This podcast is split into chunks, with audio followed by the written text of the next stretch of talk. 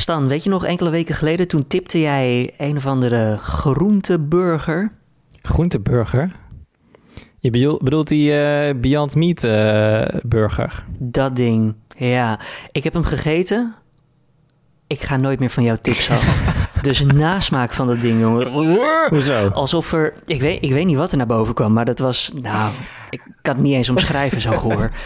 Uh, wil ik hem niet afraden voor andere mensen. Als je ervan houdt, doe lekker je ding. Maar ik wil hem niet vergelijken met een uh, beter dan vleesburger. Hoe heb je dit gegeten? Ik heb echt mijn best gedaan. Ik heb hem gebakken netjes, uh, gegrild.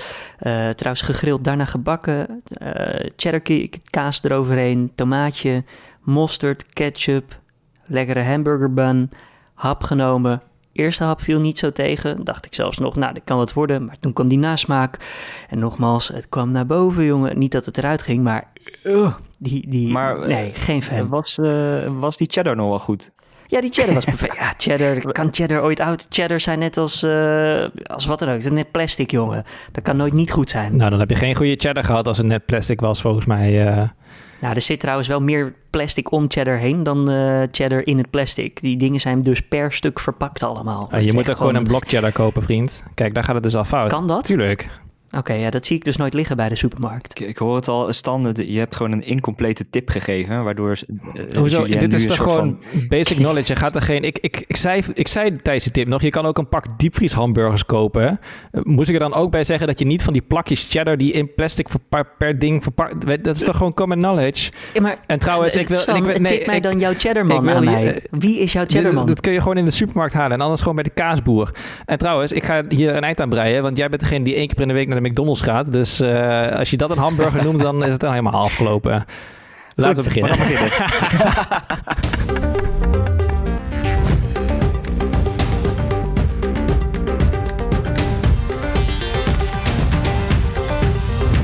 Welkom bij de Week van NuTech. Ik ben Rutger Otto. Mijn naam is Stan Hilsen. En ik ben Julian Dom. We gaan het straks hebben over, ja, we zitten er, als we dit opnemen, nog midden in de presidentsverkiezingen. Mogelijk weten we, als deze podcast online is, wie de nieuwe Amerikaanse president is. Maar eerst even iets anders. De Xbox Series X is uit. Althans, volgende week komt hij uit. Wij hebben hem al getest en we mogen er nu van alles over vertellen. Ja, ik heb hem uh, al een tijdje in mijn huiskamer staan, jongens. En? Is hij mooi? Het is, een, uh, het is echt een doos. Hè? Een, een box, een Xbox. Hij is helemaal rechthoekig en zwart. Best wel een heel simpel ontwerp eigenlijk. Strak ook. Ik vind hem daardoor wel mooi. Als je hem vergelijkt vooral met die PlayStation, dat is een soort van alsof je een, uh, een router in je huiskamer zet, maar dan heel groot. Is het iets wat gewoon duidelijk bij de rest van je huiskamer past? Uh, en is, is, is het neutraal op die manier? Dus als mensen denken van ja, ik moet weer een set-top-box, weer een dingetje op de, naast de tv zetten in zicht. Valt die weg in het geheel? Of? Ja, nou ja, juist omdat hij zo strak is en omdat hij uh, zo clean is, wel. Ik heb ook toevallig gewoon zwarte meubels, dus hij valt gewoon helemaal weg. Perfect vind ik dat. En je gaat niet per ongeluk een keer op je Xbox zitten uh, af en toe? nee. nee, hij staat wel echt bij mijn tv, dus dat is ook onhandig. Uh, even een kanttekening hierbij, denk ik. Want uh, de PlayStation 5 uh, hebben we nog niet. Dus ik hoop dat we daar later nog even over kunnen praten. Want nou ja, die, die review-exemplaren daarvan die waren behoorlijk schaars. Dus we hebben daar even op moeten wachten. vrijdag, als je dit luistert, hebben we hem binnen. Dus volgende week in elk geval een videootje op de site. Anyway, de Xbox. Uh, ja, hoe voelt hij? Uh, uh, misschien ook nog even goed, want die controller. Nou, wacht, Rutger, voordat hoe, hoe die voelt. Ehm, laten we even een soort van unboxing doen. was die netjes verpakt? Was het mooi? Was het handig? Was het logisch? was het lekker om een plasticje ergens van af te halen? ja, hier ga je goed op, hè, op dit soort dingen. Het, het... Ja, joh, kom maar op. ja, nou ja, het is een beetje zo, je doet die doos open, je, je, je kantelt zo dat deksel open, zeg maar. En dan ligt hij daar een soort van weggezonken in een soort, ja, wat is het? schuimachtig spul. En daar kan je hem zo uittillen. Ja, het is best wel, best wel lekker verpakt, ja, moet ik zeggen. En niet dat schuim wat uh, in 36 stukjes uh, kleine mini-brokkeltjes afbreekt? Nee, nee, nee, nee, nee. Dus nou ja, een goed begin is dat, hè? Zeker? Ja. Uh, ja, opvallend ook wel op de doos. op de achterkant staat Halo.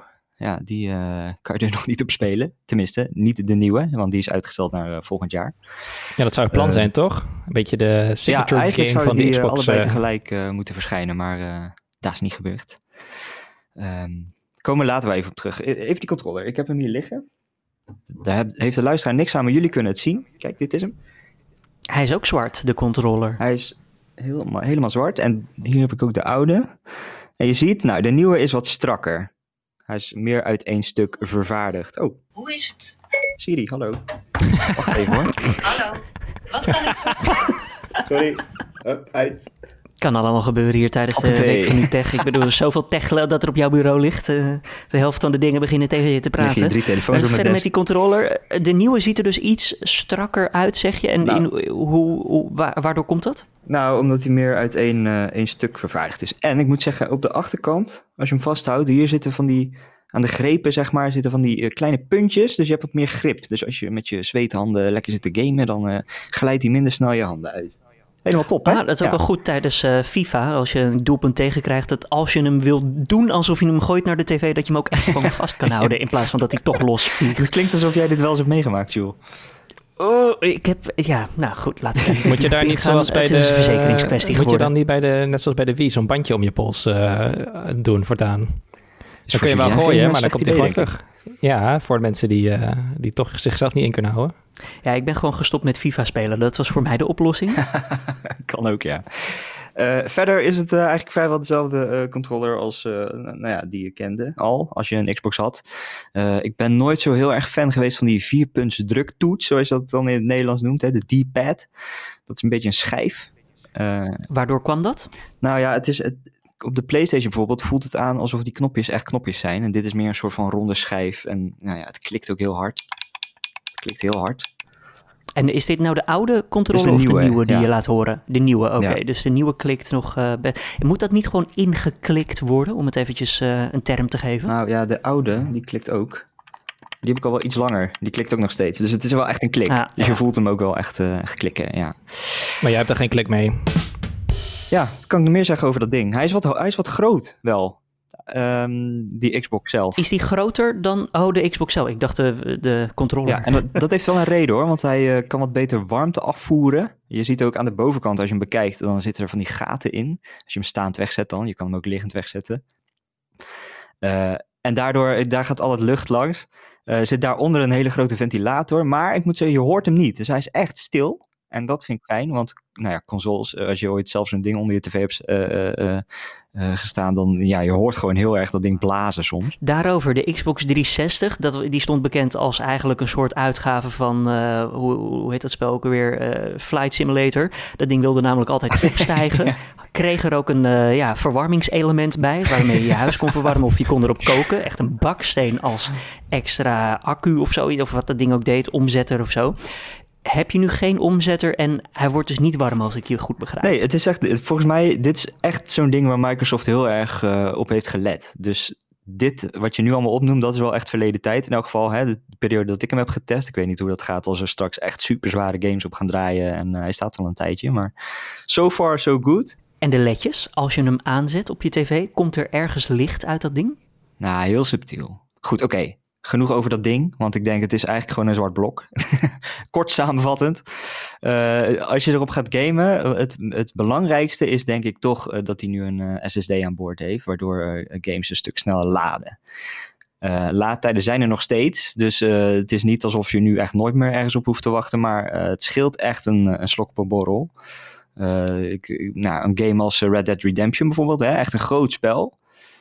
Ehm, nou ja, zo'n spel, net als GTA, dat doet er eerst bijvoorbeeld twee minuten over om, om die hele wereld in te laden. En daarna kan je gaan spelen.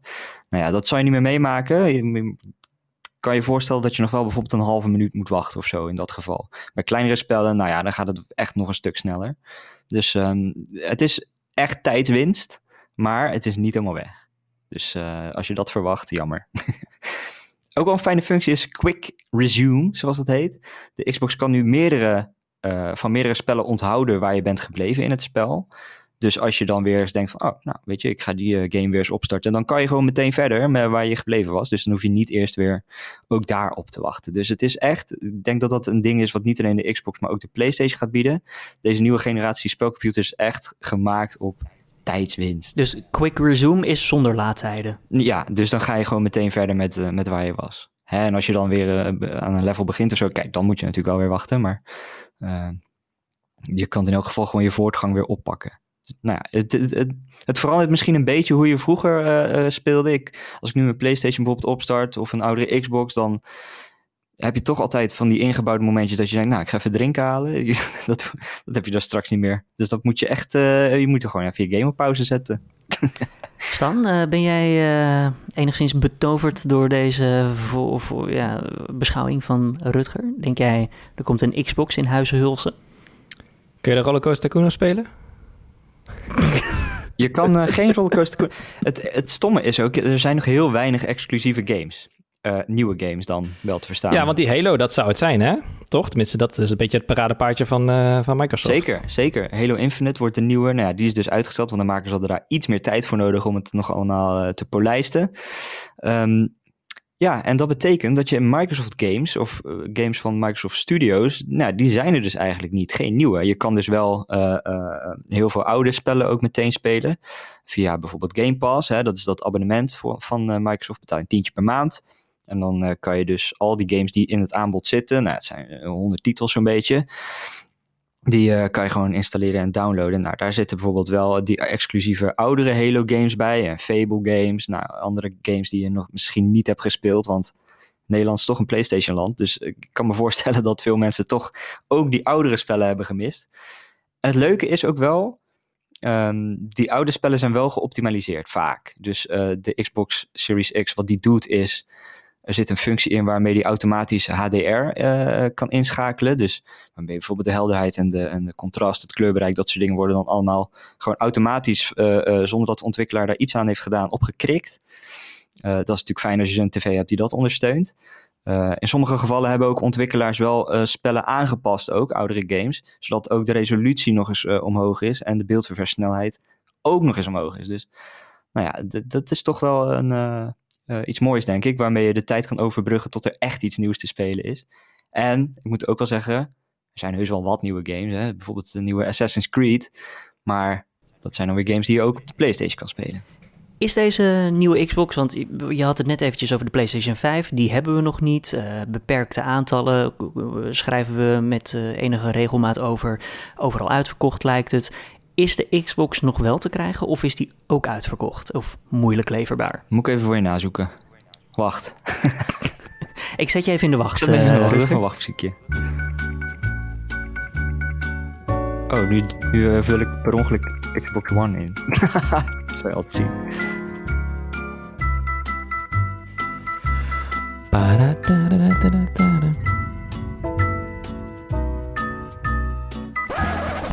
Ja, ik heb een paar winkels uh, ook wel bekeken. Hè, en ik zie ze toch niet op voorraad staan. Dus uh, die Xbox Series X, die, die gaat ook wel vrij hard. Toch wel, ook al is Nederland een PlayStation land. Mensen willen toch gewoon een nieuwe spelcomputer, denk ik. Ik denk dat dat gewoon is. Samenvattend wordt je geduld wel op de proef gesteld met deze Xbox moet concluderen. Want uh, nou ja, de laadtijden zijn verkort, maar je moet toch een beetje wachten. Je moet misschien nog wachten op die spelcomputer zelf en je moet nog wachten op de games. Ja, eigenlijk, ja, dat heb je mooi gezegd.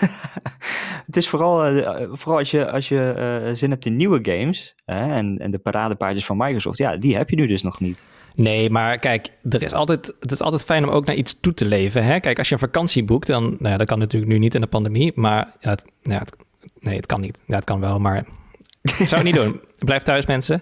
Uh, als je vakantie boekt, is de voorpret net zo leuk als op vakantie gaan zelf. Toch? Zeker. Ja, vaak zelfs nog wat leuker, want op dat moment heb je nog geen limitaties van geld, qua tijd, qua wat dan ook. Oké, okay, Julian, als jij de voorpret nog leuker vindt dan de vakantie zelf, dan ga ik nooit met jou op vakantie. op, op vakantie kom je erachter van, oh shit, ik wil dit doen en dit doen, maar het kan blijkbaar niet op één dag of zo, omdat het toch wel ver uit elkaar zit. In het vooronderzoek denk je, ja, we gaan dit doen, we gaan dat doen, we gaan dat doen. Geld, wat is geld? Geld is nothing but a number. Everything goes. En dan kom je er en dan denk je toch, oh shit, de pinautomaat die doet het niet. Of zou het mijn rekening zijn? Misschien een goed idee om uh, voordat je gaat alvast op Google Maps uh, alle bezienswaardigheden te checken en dan gewoon uh, daar op het terras gaan zitten. Anyway, de Xbox Series X vanaf 10 november in Nederland koop. De review staat nu online op nu.nl, dus zoek die ook even op. Voor 500 euro is die van jou. De Xbox Series X dan, niet de review natuurlijk. Vorige week hadden we weer een prachtige prijsvraag. En er is gemaild en kan één iemand uh, ja, hartstikke blij maken, hoop ik. Dat is Peter Glas. Die zegt namelijk, uh, ja, als ik de sokken noem, heb ik dan meer kans om te winnen? Nou, Peter, dat niet per se, maar je had wel het goede antwoord. Dat was namelijk Ramstein met Du Hast.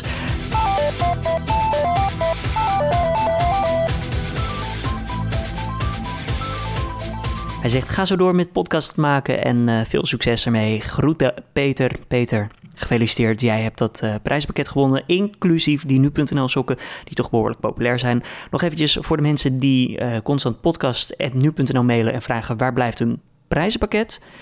It's gonna take a while. Hopelijk volgende week dat ze de deur uitgaan.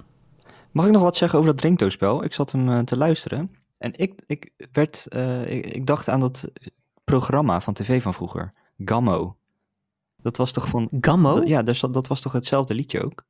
Uh, wat was? Ik ken Gammo helemaal niet. Oké, nou laat maar. Ik dacht als je dit kent is het leuk.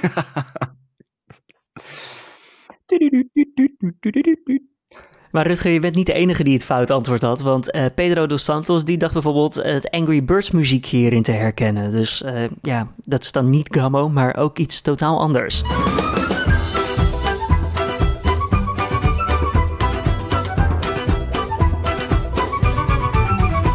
Wat dus niet goed was, uh, ter verduidelijking. Uh, Stan, ben jij een Ramstein-liefhebber? Ja, ik kan er wel van genieten. En sta je dan uh, headbangend en Ik sta vooraan in de circle pit. Ja. ja? Ah, oké, okay, mooi. Nou, dan weten we weer wat over het privéleven van Stan. En uh, zodra corona voorbij is, uh, zullen we hem daar weer tegenkomen. de opdracht voor volgende week, luister eventjes. Weet jij wat het is? Laat het dan weten via podcast.nu.nl. We zoeken een muzikaal nummer, maar hè, als kleine hint, je zou het ook een, uh, een serie kunnen noemen. Dus uh, heb jij het goede antwoord, podcast.nu.nl. Stan, heb jij uh, nachten doorgehaald om de Amerikaanse verkiezingen te volgen? Nee, ik ben, nee, zo iemand ben ik niet. Ik ben erg gesteld op mijn nachtrust en een nachtje doorhalen, dat is echt lang geleden weer. Ja, ik denk dat het dit jaar ook weinig had uitgemaakt. nee, want ik werd ochtends wakker en uh, we, weten, nou, we wisten nog niet de, wie er aan het winnen was. Uh, sterker nog, op het moment dat we dit opnemen, weten we het ook nog niet zeker. Het kan nog allebei de kanten opvallen.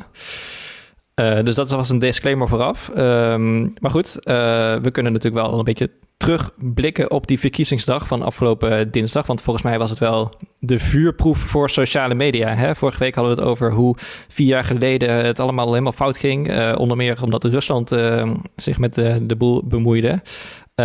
Maar ook omdat nou ja, die platformen eigenlijk totaal niet voorbereid waren op um, de manier waarop informatie en desinformatie zich rond zo'n verkiezing kan, kan, kan verspreiden. En uh, ja, vier jaar later, een moment om dat dus uh, te laten zien dat ze daar wel goed op voorbereid zijn. En uh, nou, ik moet zeggen, op zich geen grote, echt huge problemen gezien, toch? Het was op zich wel... Tot zover niet, hè? Tot zover niet, nee. Er kan nog van alles boven water komen. Maar kijk, de, de grote ravage is denk ik wel uitgebleven. Uh, wat niet per se wil zeggen dat het, niet, dat het goed is gegaan, bijvoorbeeld. Hè? Want je kan altijd. Kijk, er wordt gewoon een hoop gepost en verspreid. En uh, ook dingen die niet kloppen. En mensen zien dat gewoon. En uh, laten zich daardoor bewust of onbewust beïnvloeden. Omdat ze misleidende berichten of berichten die niet blijken te, kop, te kloppen. gewoon nou ja, tot zich nemen. En ook verder verspreiden misschien. Of gewoon interpreteren en daarmee hun wereldbeeld laten bepalen. Uh, kun je dat helemaal tegenhouden? Denk ik niet. Uh, maar goed, het is wel, wel duidelijk dat Facebook en Twitter bijvoorbeeld wel echt de moeite hebben genomen om nou ja, daar iets tegen te doen, zodat een herhaling van 2016 in ieder geval voorkomen zou moeten worden. Kan je voorbeelden noemen? Wat hebben ze gedaan wat wij tegen, uh, hadden kunnen zien op het internet om dat dus te voorkomen? Om uh, ja, zich beter, ja, misschien aan de ene kant in te dekken, maar ook om mensen beter te beschermen. Ja, ik denk dat het duidelijkste is uh, wat we bij de verdedigend presidentskandidaat Donald Trump zagen. Die tweette bijvoorbeeld op 4 november, dus dat was voor ons dinsdagochtend, nee, woensdagochtend zeg ik het goed. Dinsdag was 3 november, woensdagochtend 4 ehm, november, toen uh, tweette hij bijvoorbeeld... nou, we staan dik voor, maar zij, en dan bedoel ik dan de democraten mee... proberen de verkiezing van ons af te pakken. dat gaan we niet laten gebeuren. En je kan alleen nog maar stemmen als... Als de stembus open zijn. Dat tweette die eigenlijk een kwartiertje voordat in Alaska, in het uiterste westen van de Verenigde Staten, de, uh, de stembus daadwerkelijk gesloten. Uh, dus ja, hij tweet dat. De Democraten proberen de, de verkiezingen nou, af te pakken. Dat is nog best wel een statement, hè? Um, en eigenlijk ook zonder bewijs. Want ja, er wordt gewoon gestemd. En deels via de post, deels fysiek. Een deel is natuurlijk ook al gestemd. Of een deel van de Verenigde Staten heeft al gestemd in de afgelopen weken. Want nou, er is gewoon een heel aanloopproces daar ook geweest. Um, en Twitter heeft daarop gereageerd door die tweet achter een ja, soort van muur te plaatsen. Hè. Zij zeggen dan dit bericht uh, bevat mogelijk misleidende of onjuiste informatie. En pas als je er dan op klikt, kun je dan uh, daadwerkelijk de inhoud van die, uh, van die tweet zien. Ja, want het is ook nog eens zo, als je in de rij staat hè, en de ja, stem, stemhuizen die stoppen bijvoorbeeld om stemhuizen, stem beurzen? Wat is het woord? Stem... Stemlokaal. Dank je. En de stemlokalen die sluiten bijvoorbeeld, ik noem maar wat, om 8 uur. Je staat in de rij om 5 voor 8, je bent nog niet aan de beurt, dan mag je wel in die rij blijven staan. En bijvoorbeeld om 9 uur, als je wel aan de beurt bent, je stem nog uitbrengen. Dus dat klopt ook al niet aan die tweet van Donald Trump. Ik neem dat maar van je aan dat het dan klopt. Uh, in Nederland werkt het wel zo volgens mij ook inderdaad, hè? doe dat maar, Stan. Doe dat maar. Oké, um, maar wat ik dan wilde zeggen is dat eh, op Facebook plaatste Donald Trump datzelfde bericht. Um, maar zij, zij pakken dan niet anders aan. Zij zeggen dan alleen een disclaimer erbij van ja, de resultaten kunnen nog uh, verschillen van, uh, van de voorlopige tellen van de stemmen. Hè? En het uiteindelijke tellen van die stemmen kan nog dagen of weken gaan duren. Uh, dus je ziet wel dat die bedrijven allebei een disclaimer erbij plaatsen. Maar die van Facebook is dan weer veel terughoudender eigenlijk dan die van Twitter. Twitter zegt van je moet eerst door deze waarschuwingen heen. Misleidend of uh, onjuist zeggen ze zelfs. En Facebook doet eigenlijk, uh, ja, zet er een disclaimer, disclaimer bij. Zijn niet zo stellig. Ze zeggen niet dit is misleidend of uh, onjuist. Maar ze zeggen gewoon heel neutraal eigenlijk ja, de uitslag is pas definitief als die definitief is. En dat is, nou ja, dat is wel een andere aanpak natuurlijk. Um, dat doen ze ook op andere gebieden. Dus uh, uh, je ziet bijvoorbeeld dat uh, de tweet van Trump. Um, ik ga vanavond een hele grote verklaring doen. Hè? Nou, dat hebben we vast wel gezien. Donald Trump die op een gegeven moment aankondigde dat, dat hij naar het Hooggerechtshof stapte. En in feite al de verkiezing uh, naar zich toe trok. Terwijl heel veel staten toen nog niet gekald waren. Dus nog niet uh, door een persbureau bijvoorbeeld was uitgeroepen van nou, deze persoon is de winnaar in deze staat. Uh, Twitter heeft daar niks mee gedaan. Dus die tweet die kun je gewoon bekijken. En bij Facebook is diezelfde, datzelfde bericht is voorzien van diezelfde disclaimer.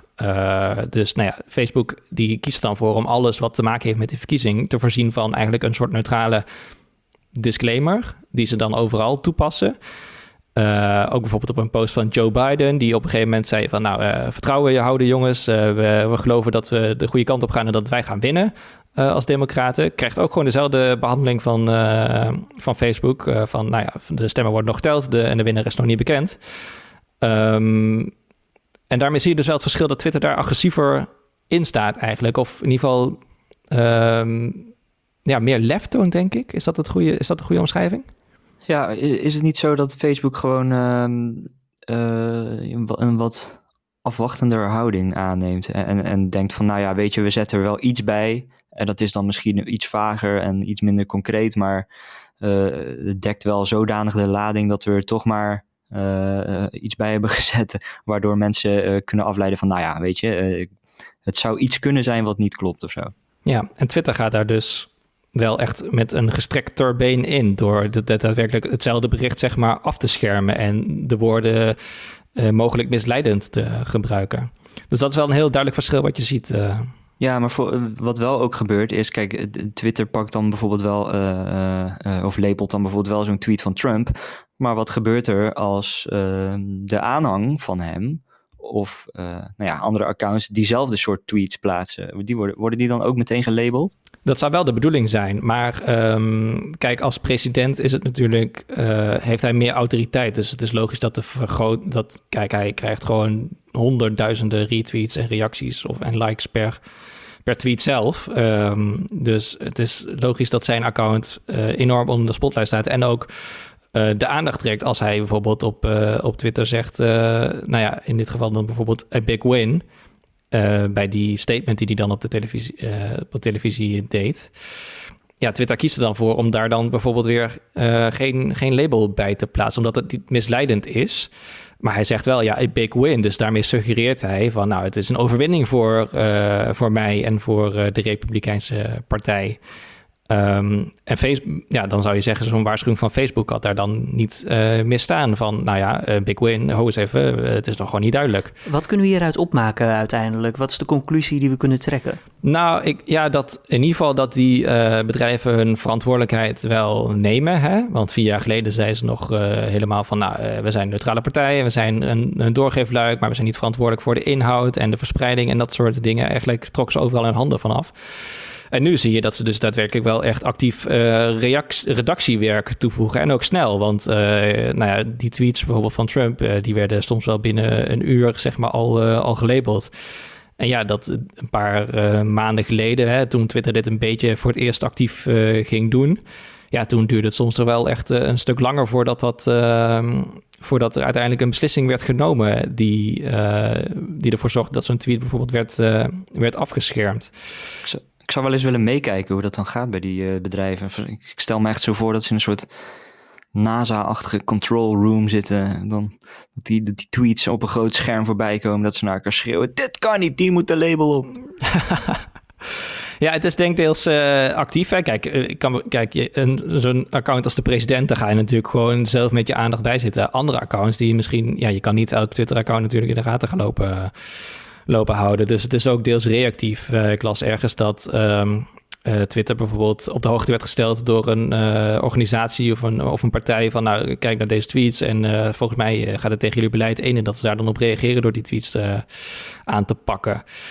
Ja, zie je maar even een platform met uh, miljoenen gebruikers uh, tijdens zo'n drukke verkiezingsnacht te, te, monitoren. Ja, dat lukt niet echt met drie moderators. Dat moet je toch even goed, goed aanpakken. Maar goed, zoals ik zei, vooralsnog niet echt van dit soort echt grote incidenten die waarbij het echt duidelijk was dat er een, iets verkeerd ging. Um, ging dan alles goed? Nee. Uh, want uh, er zijn natuurlijk wel gewoon ook tweets uh, blijven staan. Kijk, je zou kunnen zeggen, elke moment dat een misleidende of een onjuiste tweet uh, gewoon zichtbaar blijft, is een moment waarop desinformatie kan worden verspreid. Nou, dat kan natuurlijk niet in real time, dus er zit altijd een vertraging tussen. Um, Instagram had ook nog een ongelukkig foutje, hè, onderdeel van Facebook. Die lieten in een, op een platform zien dat op 3 november was dat, dat de verkiezing tomorrow, dus morgen was, terwijl die eigenlijk op 3 november was. Ja, dat is eigenlijk ook niet handig. Hè? Dat, uh, ja, je zou maar, uh, je zou maar uh, lekker in je bed blijven liggen omdat je denkt, oh, het is pas maandag of uh, het is verplaatst. dus ja, vast niet bewust, dat durf ik mijn hand voor wel in het vuur te steken. Maar ja, het is natuurlijk wel een voorbeeld van ja, een incidentje en hoe dat toch nou, altijd net iets anders kan lopen dan je, dat je hoopt. We gaan door met de tips van deze week. Julien, Laten we met jou beginnen. Oké, uh, dan kom ik met een YouTube-kanaal. Dat heet Imamu Room. Imamu is I-M-A-M-U spatie Room op zijn Engels kamer. En dat is een uh, Japanse vrouw in Canada die bento lunchboxes maakt. En uh, niet zozeer dat ze de lunchbox zelf maakt, maar de lunch erin. Die prepareert ze voor haar man. En het is ontzettend rustgevend met een klein muziekje, af en toe tekst wat ze precies maakt, hoe ze het snijdt, hoe ze het bakt, hoe ze het kookt. Dus als je een beetje, beetje houdt van de Aziatische keuken en je vindt het ook leuk om te priegelen in de keuken. Om dat zelf te doen, ga dit kijken. Want aan de ene kant, ja, tijdens de coronapandemie geeft het je gewoon wat rust. Omdat je ziet dat iets heel mooi gemaakt wordt. En aan de andere kant krijg je de honger van en hopelijk zin om het zelf ook na te maken. En dan noem ik wat recepten zoals heel simpel uh, Amerikaanse hamburgers op zijn Aziatisch. Uh, zoetzure komkommertjes, uh, gebakken vis, krappe rolletjes met asperges en speklapjes. Ja, het is echt... Jij wil hier een food podcast van maken. Ja, hadden we dat maar hier bij nu.nl. Want dan zou ik met de 24-7 de bonnetjes factureren van alles wat ik koop bij de supermarkt en ja, uh, de Aziatische nou, ik heb nog wel een tip voor je. Bijvoorbeeld niet cheddar in uh, voor verpakte plastic uh, kopen. om maar een, iets, om een soort van basis... Je kan het krijgen, Stan. Je kan het krijgen. om een basis te noemen. hey, nog even kort, wat is een bento lunchbox? Een bento lunchbox, uh, goeie vraag. Ik heb eigenlijk geen idee. Ik dacht gewoon een lunchbox. Is daar iets speciaals aan, aan, aan de naam bento? Geen idee. Maar goed, niet dat okay, weet. Maar het de idee is dus dat alles uiteindelijk in de lunchbox gaat. Ja, alles gaat in de lunchbox. En uh, oh, trouwens, hier zie ik het op Wikipedia. Bento is een maaltijd die veel voorkomt in Japan. Het is een van origine Japanse lunch, maar tegenwoordig wordt het ook veel gegeten in de Verenigde Staten en in Europa. En hij uh, wordt gemaakt met rijst. Oké, nou, waarvan akte, Julien? Uh, ik heb ook een tip. Uh, het is een film en hij heet The Trial of the Chicago Seven. Uh, het is een film gemaakt door Aaron Sorkin. Die kennen we misschien nog wel van The Social Network. en dan weet je misschien, als je hem een beetje kent, waar, dat, waar het naartoe gaat. lekker veel dialoog, lekker snel. snedige teksten.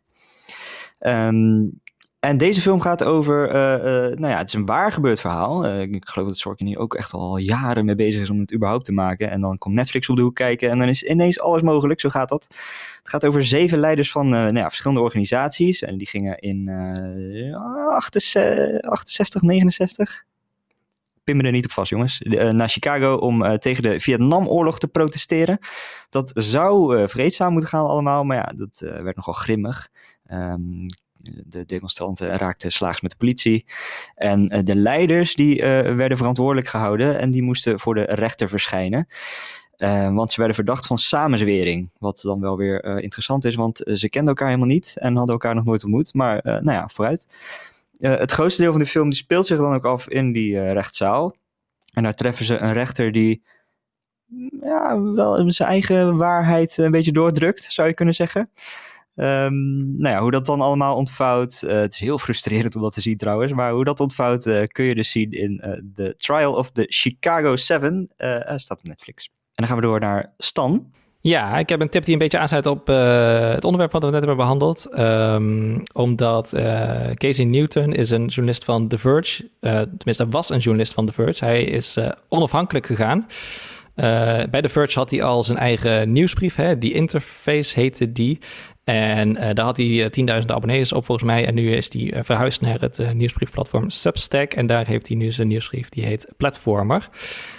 maandag tot en met donderdag kun je daar zijn analyses en insights over Big Tech eigenlijk lezen. En afgelopen week ging het bijvoorbeeld om hoe YouTube omgaat met dat verkiezingsnieuws. En hoe dat dan toch weer anders uitpakt dan wat Facebook en Twitter doen. Uh, en zo behandelt hij eigenlijk vier keer per week uh, onderwerpen die spelen met uh, zijn analyses, links, dingen die hem opvallen. heel open is hij daarin, dus hij zegt niet ik heb de waarheid in pacht en dit is hoe het zit en dat soort dingen, open houding. Um, dus ja, interessant om te lezen. Bijvoorbeeld als je wil weten hoe, um, nou wat ik net zeg, hoe YouTube het toch wel echt iets anders deed dan Facebook en Twitter. Best wel niche daarentegen, maar ja, mocht je het leuk vinden dan ehm, dan is dat natuurlijk wel interessant. En het gaat uh, nou ja, van, van links naar rechts, zeg maar. Het is uh, best wel breed. Uh, je kan je abonneren, maar je kan ook gewoon naar platformer.nieuws gaan. Dus .nieuws in plaats van .nl of .com. En dan kun je gewoon de oude edities lezen en een beetje kijken of het wat voor jou is. En ja, wij leggen er zeker wat van op. Is het gratis? Uh, die edities lezen is gratis. Uh, maar je kan uh, ook gewoon een abonnement nemen. Ik weet niet hoe duur het is. Volgens mij betaal je daar wel een paar dollar per maand voor. Een paar dollar per maand. Oké. Okay. Wij hebben weer wat brieven ontvangen. Post. Wat e-mails moet ik zeggen. Zeker, waaronder een rectificatie. En laten we het rectificatiealarm weer even loeien. Klinkt verdacht veel op een U-boot, maar goed. uh, deze is van, uh, jongens, ik heb het verrassingspakket binnengekregen. Evert Voshart, die had eerder gewonnen, dus uh, hij zat nog bij de laatste lading. Hartstikke top, of tenminste de vorige lading, niet de laatste. Ze komen eraan, nogmaals, geduld. En wat hij zegt, ik heb ook een correctie op wat er gezegd werd over politicus Heinz Christian Strache, als ik het zo goed uitspreek. Er werd namelijk gezegd dat hij een Duits politicus was van de FPE. Maar, zoals die partijnaam suggereert, is het een Oostenrijker. Ai. Ja, beetje flauw en het is, uh, nou ja, zoals Evert hier zelf dan mailt, dit zijn zijn woorden. En het is oké, niet zo'n onschuldige kerel, maar aangezien mijn vriendin Oostenrijks is, kon ik het niet laten om het toch nog even te melden. Nou, heel goed. Slordig hè? Nou, een beetje flauw, dat is toch gewoon hoe het is hè, of niet? Ja. En uh, ja, we hebben nog een brief binnengekregen. Rutger, misschien moet jij die als techcoördinator eventjes uh, behandelen. Ja, uh, zal ik hem voorlezen? Beste mannen van de Tech Podcast, met veel plezier luister ik elke week naar jullie podcast. Maar één ding vraag ik mij af. Hoe kan het dat Stan nog bij jullie werkt?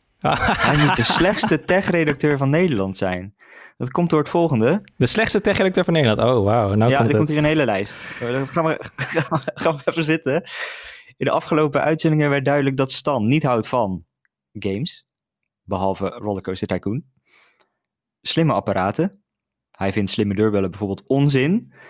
Uh, smartwatches vindt hij maar onzinnig. Dure telefoons. Snapt niet waarom mensen elk jaar een dure telefoon kopen. Social media. Oké, hij zit op Twitter, maar eigenlijk vindt hij de rest allemaal stom. En science fiction films. Hoe dan? En dan vergeet ik vast nog wat dingen. Vraag aan Stan. Vind je het werk als tech-redacteur wel leuk? Of moet je niet gewoon wat anders zoeken? Met vriendelijke groet, Rowan Uilensteden. Nou Stan, Nou, Roman, wat leuk. podium is voor jou. Um, ja, leuk. Nou, dankjewel in ieder geval voor je bericht eerst. Um, ik wil wel even het eerste denkfout wegnemen dat uh, je dingen leuk moet vinden om er een journalist uh, op dat gebied te zijn. Want uh, nou ja, als ik kijk naar bijvoorbeeld onze collega's van de algemene redactie, die vinden aanslagen en pandemieën en zo ook niet leuk, maar die schrijven er wel over. Ja, dat is toch wel een beetje hoe het, hoe, hoe het werkt. Um, wat waren de onderwerpen allemaal? Ik hoorde science fiction films. Gaat dat over de Discworld? Um, is dat een verwijzing daarnaar? Want dat vind ik op zich. Bijvoorbeeld, ik weet niet, kijk jij wel eens science fiction dan sowieso? Nou ja, ik sta niet af, afkeurend tegenover het genre science fiction. Dus. Uh... Vorige week zei je dat je. Um, hoe heette die film ook alweer? De nieuwe Christopher Nolan niet snapte. Oh, Tenet, ja. ja, oké, okay, maar dat. Ja. Maar dat, dat betekent niet dat ik een afkeer. Heb je Interstellar gekeken? Zeker, vond ik een hele mooie film. Oké, okay. nou hebben we dat ook misschien een soort van recht ja, gezet. Okay. Dat ook weer gerectificeerd. Wat nog meer? Ja. Spreek je misschien een beetje Klingon af en toe? Nee, nee. Is dat van Star Wars of Star Trek? Ja, kijk, nu ga ik echt... Oeh. ja, dit is weer glad ijs. ja, nee, sorry, dat, dat trekt me dan weer niet. Maar goed, ik sta, ik sta niet afkeuren tegenover het genre uh, science fiction. Wat nog meer? Social media. Uh, ja, dat, dat vond ik niet leuk of iets dergelijks, dat was het. Nou goed, ik vind dat je wel uh, kritisch mag kijken naar uh, sociale media en ook de rol die het in je leven speelt. Ik ben zelf iemand die zegt, ja, uh, ik zit heel veel door dingen te scrollen. We hebben het best, best wel vaak over TikTok gehad. Nou, ik had die app geïnstalleerd, dus ik daar een uur te scrollen en dan denk ik, ja, wat heb ik nou gedaan? Helemaal niks. Uh, en dan vind ik het belangrijk ehm, dat je voor jezelf weet dat je die keuze kan maken van, nou ja, ik, ik vind dat dit tijdverspilling is voor mij. Dus uh, ik verwijder die app weer. En zo geldt dat natuurlijk ook voor Facebook, Twitter, Instagram, Snapchat, whatever je wil. Uh, als je niet, iets niet is voor jou, dan moet je het ook gewoon niet doen. En ik vind dat iedereen ook daar zijn eigen keuze in moet maken. Dus als jij zegt van nou, ik geniet heel erg van TikTok en ik scroll met veel plezier elke dag een uur of twee of drie door al die video's heen, dan is dat ook prima natuurlijk. En als we het dan hebben over de dure telefoons dan? Ja, precies hetzelfde eigenlijk weer. Ik uh, vind mezelf. Ja, nee, ja. Nou ja, als jij elke jaren de nieuwste telefoon wil kopen, dan sta je daar natuurlijk helemaal vrij in. Wacht, gooi op een hoop, de, want anders blijven we bezig met dit onderdeel. Uh, dure telefoons, smartwatches, smartwatches en slimme apparaten. Je mening? Nou ja, wat ik zeg, als je zo'n ding wil hebben, lekker kopen. En als je er iets uithaalt, lekker doen. Als je het niet wil of het niet weet, dan moet je het niet doen. Of moet je erin verdiepen of je het wel wil doen om nog even terug te pakken op die telefoons. Want dat is denk ik het apparaat wat iedereen... Iedereen wil natuurlijk wel een telefoon. Ik heb ook een dure telefoon. Die kost ook uh, 800 euro of iets dergelijks. Maar goed, ik ga niet elk jaar een nieuwe kopen. Uh, want zoveel geld verdien ik ook weer niet. Eerlijk, hè? dat moet ook uh, gezegd worden. En ja, telefoons die blijven tegenwoordig ook gewoon jaren werken. Nee, precies. Ja, daarom. Dus nou ja, mijn persoonlijke ervaring is dat ik een telefoon koop die gewoon jaren meegaat. Dat ik het niet nodig vind om dan het jaar erop weer het milieu te belasten door een nieuwe telefoon te kopen. En uh, mijn eigen portemonnee te belasten door uh, nog een keer hetzelfde bedrag uit te geven. Dan nog even de mother of all questions, denk ik. Waar, waarom werk ik hier nog? Uh, ik denk omdat uh, als, ik, als ze mij ontslaan, dat Rutger dan alles alleen moet doen. En dan wil ik hem ook niet aandoen. Goed, ik denk dat we hier veel te serieus op in zijn gegaan. Ik vind het jammer dat jouw kritische houding wordt betwijfeld. Dat wil ik even toevoegen. Uh, want dat, dat hoort ook, oh, dat is een van de voornaamste dingen als techjournalist, denk ik, om te hebben. laten we het hierbij, ja, hè? Je, bent wel, je hebt je wel genoeg geredeemd, ja, denk ik. Nog zo. meer fanmail mag naar standaardnu.nl. ja, mag altijd. Oké, okay, jongens. Dat was hem weer voor deze week van NuTech. Maar niet voordat we nog één keertje hebben geluisterd naar het ringtoonspel voor deze week. Weet je het goede antwoord? Mail dan naar podcast.nu.nl. Volgende week zijn we weer terug met een nieuwe aflevering van de Week van Utrecht. In de tussentijd lees je het laatste nieuws op nu.nl of je de nu.nl app. Je kan ons volgen op Facebook, Twitter, Instagram en TikTok. Bedankt weer jongens, tot volgende week. Als je wil hè, als je niet op die platformen zit, gewoon lekker niet doen.